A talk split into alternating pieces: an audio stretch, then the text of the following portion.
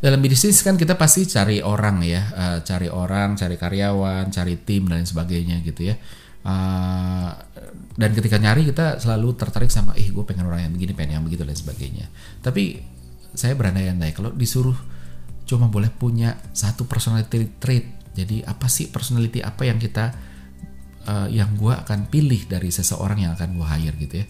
Uh, bukan cuma orang marketing, bukan produk, bukan CX gitu ya uh, bukan sales, uh, bukan cuma sales gitu maksudnya, tapi artinya semua gitu ya. Uh, yang paling mahal menurut gue adalah empathy gitu. Kenapa? Banyak banget bisnis buang-buang uang karena gagal berempati gitu. Jadi kita bikin macam-macam, uh, bikin produk aneh-aneh, bikin marketing activity, event, iklan, gamification dan lain sebagainya. Uh, berpikir konsumen akan butuh dan nunggu gitu ya. Padahal enggak gitu ya. Dan ini ngabisin uang banyak banget plus waktu plus effort gitu. Nah, uh, contohnya waktu kita bikin produk gitu ya kita berpikir konsumen akan butuh nih feature ini tuh. Wah terus dipikirin sedetail-detailnya begitu di launch orang nggak banyak pakai gitu ya. Uh, terus waktu bikin marketing activity entah iklan entah event entah gamification orang pikir oh orang akan nungguin. Di bayangan kepala kita orang akan nungguin nih maka itu habis itu orang bikin teaser gitu ya. Saya salah satu orang yang udah nggak begitu percaya lagi sama teaser. Kenapa? Karena kita bikin teaser seolah-olah itu kita seolah-olah orang tuh perhatiin ngomongin itu apa ya? Terus nungguin oh ya udah tungguin tungguin tungguin. Dia bakal keluar nih teasernya udah ada gitu ya uh, padahal sehari-hari konsumen nggak gitu. Setidaknya di sebagian besar brand. Ada brand-brand yang ditungguin ada yang nggak gitu ya. Tapi sebagian besar nggak. Mereka sibuk jalan hidup masing-masing nggak fokus sama brand nggak fokus sama kita. Bodoh amat gitu loh. Lu mau ngapain gitu? Gue jalanin aja. Kalau kebetulan jalannya ketemu nah baru dia perhatiin. Tapi kalau jalannya paralel dia perhatiin aja nggak gitu ya. Jadi nggak peduli iklan baru, bukan berarti nggak bisa dibikin tertarik gitu ya. Tapi mereka nggak nungguin dan nggak anticipate gitu ya. Gue gambarinnya kayak kita lagi nyiapin iklan gitu ya dengan bayangan di kepala kita eh, konsumen di luar tuh nunggu-nunggu ngomongin eh itu yuk kayak apa kayak kita di dalam ruangan meeting terus konsumen tuh bergerumbul di di di luar ruangan kayak nungguin eh apa yang mau keluar ya apa yang mau keluar ya ngomongin segala macam ya Padahal kenyataannya enggak. Waktu kita lagi sibuk ngomongin sesuatu, orang itu sibuk dengan hidupnya sendiri-sendiri, enggak mikirin si brand ini akan keluar apa ya enggak sama sekali enggak gitu. Jadi uh, apa namanya uh, harus hati-hati gitu. Kita sering kali bayangin seolah-olah orang tuh nungguin kita. Makanya tuh habis itu kita masuk masuk ke sana dan menjadi bias di sana.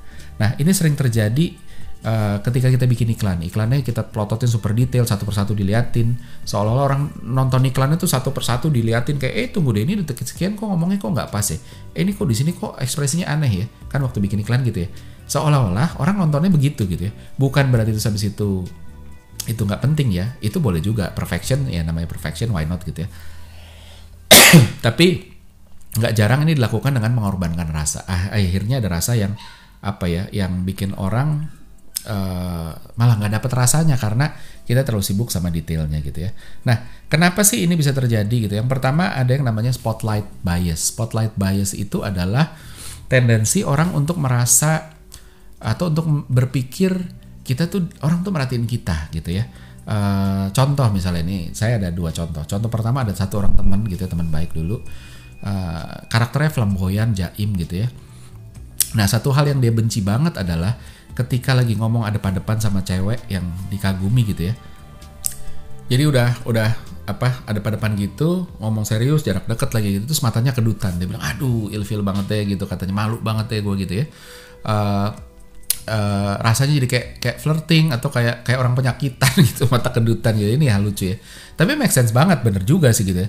Uh, menariknya adalah setelah kita uh, tanya jadi waktu itu gue tes coba deh cewek ini yang yang yang kemarin dia bilang dia waktu ngomong sama dia nih kedutan gitu ya.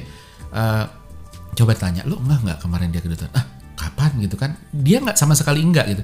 Jadi jangankan ilfil enggak aja enggak gitu ya nah terus jadi kadang itu dia kita berpikir bahwa orang perhatiin super detail terhadap gesture kita dan sebagainya termasuk mata kedutan padahal enggak yang diajak ngomong enggak gitu nah terus kedua Kedua adalah nih contoh waktu dulu saya pacaran ya masih bandel ya masih awal-awal gitu. Kebetulan saya pacaran uh, calon mertua saya tuh agak tradisional. Jadi anaknya nggak bisa dibawa keluar kota nginep gitu ya takut dia papain padahal kalau sekedar mau ngapa-ngapain nggak usah keluar kota di Jakarta juga banyak kok uh, apa tempat yang bisa membantu kita mau ngapa-ngapain gitu ya. Nah akhirnya memberanikan diri. Uh, sesekali ngajak dia gitu eh yuk uh, ngajak pacar saya gitu ya. Eh yuk kita ke jalan-jalan ke Bali yuk gitu ya. Uh, mati gaya juga gitu pacar di Jakarta mau ngapain lagi gitu ya. Bukan mau ngapa-ngapain tapi kayak ya jalan-jalan barengan enak gitu ya. Nah terus dia bohong sama ortunya dia mau ya udah deh gue bohong dulu gitu ya. Uh, bilangnya acara kampus gitu terus berangkat lah kita ya ke sana. Terus uh, tapi menariknya adalah waktu di, selama di sana dia nggak tenang celingak celinguk gitu ya gelisah dan sebagainya. Takut ada yang kenalin. Begitu pulang pun gugup di depan orang tuanya gitu ya. Uh, orang tuanya sampai bingung kenapa gitu. Tapi ya ya udah. Nah kenapa ini bisa terjadi? Karena kita tahu kita bohong. Sehingga uh, dan ngumpet-ngumpet ya keluar kota ya. Sehingga uh, kita tahu apa yang kita salah. Dan kita berusaha untuk nutupin itu. Makanya kita deg-degan kita gugup kita hati-hati gitu ya. Padahal ortunya itu nggak nggak akan tiba-tiba lagi anak pamitan ke acara kampus gitu ya. Terus habis itu ortu terus mikir eh jangan-jangan ini anak ke Bali kan? Enggak nggak akan kepikir ke sana. Gitu. Jadi ini adalah spotlight bias. Kita berpikir bahwa orang-orang akan perhatiin kita padahal kenyataannya enggak gitu ya. Nah uh, yang kedua adalah ada yang namanya mental model atau konsep gitu ya. Jadi otak kita selalu berusaha untuk menciptakan konsep. Konsep ini adalah prediksi dan antisipasi akan apa yang bisa terjadi ke depannya gitu ya. Uh, oh kalau ini begini tuh nantinya jadi begini dan konsep itu berasal dari cues dan database. Nah itu menarik. Misal kalau udah sering banget ditodong sama orang yang tatoan, nextnya ketemu orang tatoan uh, dari jauh udah melipir atau bahkan kita putar balik gitu ya. Wah putar balik nih ada orang tatoan gitu. Karena e, di kepala kita konsep di kepala kita kalau ketemu orang tatoan bahaya dan kita bisa ditodong. Databasenya cocok banget lagi orang tatoan gitu ya. Maka dari itu better ngelipir deh daripada kita ditodong gitu ya. Uh, padahal belum tentu ditodong juga gitu kan. Kan nggak semua orang tatoan juga penjahat gitu ya. Nah menariknya adalah orang tatoan yang sama yang menyebabkan seseorang ketakutan itu punya impact yang berbeda ke orang yang lain gitu ya. Jadi kalau orang tatoan ketemu dua orang, bisa yang satu ketakutan, yang satu enggak. Artinya memang memang realita itu dibentuk bukan di di di dunia nyata, tapi di kepala kita. Yang satu itu di kepalanya bayangannya orang tatoan ini penjahat sehingga dia melipir.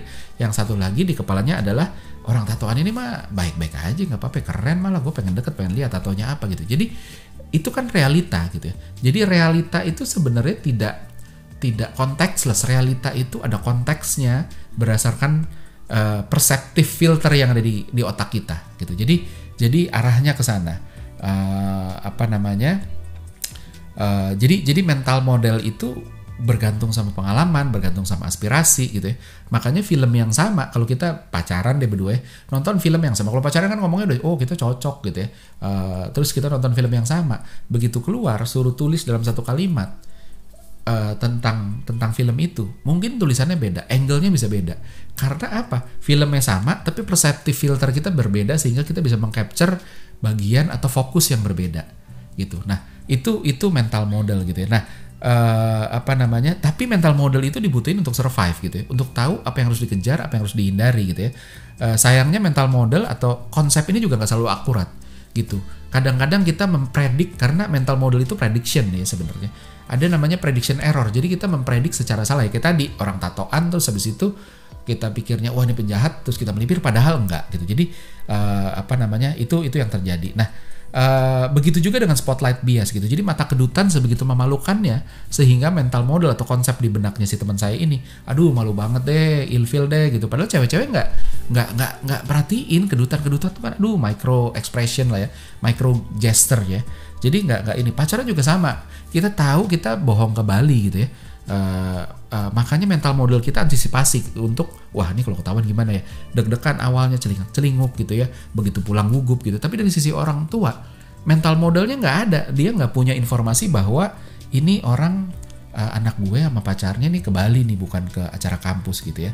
Uh, nah itu dia. Nah jadi Hal ini yang membuat orang-orang marketing, orang produk, orang bisnis itu tidak berhasil mengempathize, tidak berhasil berempati terhadap terhadap konsumen.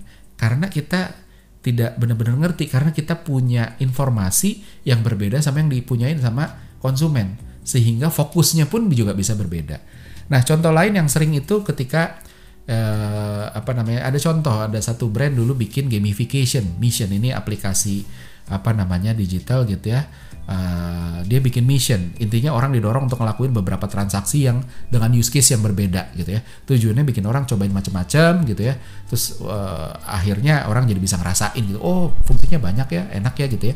Nanti di ujungnya ada insentif gitu ya. Kalau lo udah ngelakuin ini ntar gue kasih insentif. Kalau udah ngelakuin ini ada insentif dan sebagainya gitu ya. Nah sayangnya konsumen mau ikut apa enggak gitu ya? Effortnya gimana? Sesuai dengan kebutuhan apa enggak? Konsumen akan ngerasa ini akal-akalan brand aja nggak sih? Gue disuruh cobain ini itu ini itu itu gitu ya. Padahal gue butuhnya cuma ini gitu ya. Nah uh, dan kayaknya dugaan saya ini nggak berhasil makanya nggak lanjut mission itu gitu ya. Nah waktu mission dibuat si pembuat itu berpikir bahwa orang akan antusias wah seru nih nungguin. Ayo dong bikin sesuatu yang seru dong gitu ya. Terus kita bikin mission terus habis itu mereka ikutan gitu ya. Padahal nggak waktu kita lagi ngerancang mission ini konsumen ini nggak mikirin brand kita nggak mikirin nggak nungguin sesuatu yang seru gitu ya nggak uh, fokusnya nggak ke kita gitu. Di mereka bisa expect sesuatu yang seru tapi tidak spesifik dari brand kita gitu ya. Makanya terus habis itu uh, apa ketika kita disuruh macam-macam cobain macam-macam use case gitu ya bahkan walaupun dikasih uh, bonus di ujungnya mereka ngerasa bahwa aduh ini mah gue diatur-atur gue diakalin dan sebagainya gitu ya nah paling sering sebenarnya ketika kita ngomong positioning atau uh, brand message gitu. Kita me me mendefinisikan itu kita berpikir mereka peduli gitu ya. Mereka peduli kita berpikir mereka menunggu positioning atau brand message kita. Nah padahal mereka bodoh amat. Lo mau positioningnya apa? Lo jangankan mereka ngomong bodoh amat bener-bener kayak udah nggak mikirin sama sekali gitu kan. Jangan nungguin gitu ya. Jangan kan nungguin kepikiran aja enggak gitu. Makanya harus punya attention grabber power untuk bikin orang-orang yang nggak nungguin nggak ngeh aja itu bisa uh, datang tertarik gitu ya. Nah, so pertanyaan besarnya adalah kalau semua orang itu beda, terus gimana nyamainnya gitu kan? Justru itu bikin sesuatu harus bisa merancang konsep ini, konsep intinya tuh dengan pas. Ketika ketika kita bikin iklan, gimana caranya iklan ini menarik buat orang dengan perseptif filter yang berbeda-beda. Kita harus ngedesain sehingga yang orang mau uh, yang kita mau orang fokus itu benar-benar didesain supaya orang ke fokusnya ke sini nggak ke mana-mana gitu ya. Nah itu yang itu yang bikin rumit gitu. Ya. Nah apakah ini berlaku sama semua brand? Apakah semua brand nggak nungguin uh, activity atau hal yang menarik tentang brand ini? Nggak juga. Balik lagi ke brand hierarchy. Kalau belum nonton nonton di saya nggak tahu lupa episode berapa. Tapi nonton soal episode soal brand hierarchy itu ada ada level-levelnya. Nah ketika brand sudah berada di level yang lebih atas, uh, dia punya kecenderungan atau konsumennya punya kecenderungan untuk lebih nungguin, untuk lebih involve untuk eh habis ini apa ya. Semakin dia ke bawah dia semakin nggak peduli, dia fokus sama hidupnya dan lain sebagainya. Gitu makanya kalau uh, apa namanya kalau brand kita masih di bawah, maka kita akan makin punya tuntutan untuk bisa lebih berempati karena mereka nggak nggak mikirin brand kita, mereka sibuk sama hidupnya. Tapi kalau brand kita semakin di atas, sama kayak gini ya uh, analoginya, kayak ketika kita eh, PDKT awal-awal PDKT itu habis itu kita dikenal aja belum. Kita orang yang invisible gitu ya. Si si target PDKT kita dia juga ini yang mana sih orangnya? Gue nggak pernah nggak pernah tahu deh. Begitu teman yang ngomong ya eh lu dideketin itu nggak tahu gue yang mana sih kelas berapa sih dan sebagainya kan gitu ya. Nah tapi begitu kita sudah berhasil narik perhatian dia bukan cuma sekedar dia engah sama kita tapi dia aware sama gerak gerik kita kita jalan aja dikasih tahu kita uh, satu hari sepatunya ganti warnanya gitu terus dia, dia bisa kayak kemarin ada apa kok sepatunya ganti? Kan gitu ya. Karena karena udah udah ketarik ke dalam. Nah jadi intinya adalah gimana caranya buat orang marketing? Pertama sebisa mungkin ngebangun brand sehingga orang perhatiin brand kita gitu ya. Dan itu susah banget itu baru level-level di atas baru bisa kalau di bawah nggak akan bisa itu satu. Yang kedua adalah gimana caranya marketer bener atau nggak cuma marketer ya orang produk, orang sales, orang bisnis lah ya intinya itu benar-benar bisa mikirin dan bisa sadar bahwa eh konsumen itu nggak nungguin produk lo, konsumen tuh nggak nungguin iklan lo, konsumen tuh nggak nungguin diskon, penawaran dan lain sebagainya. Konsumen itu sibuk sama hidupnya, jadi jangan bikin sesuatu seolah-olah konsumen nungguin karena ujung-ujungnya nggak akan kepake это.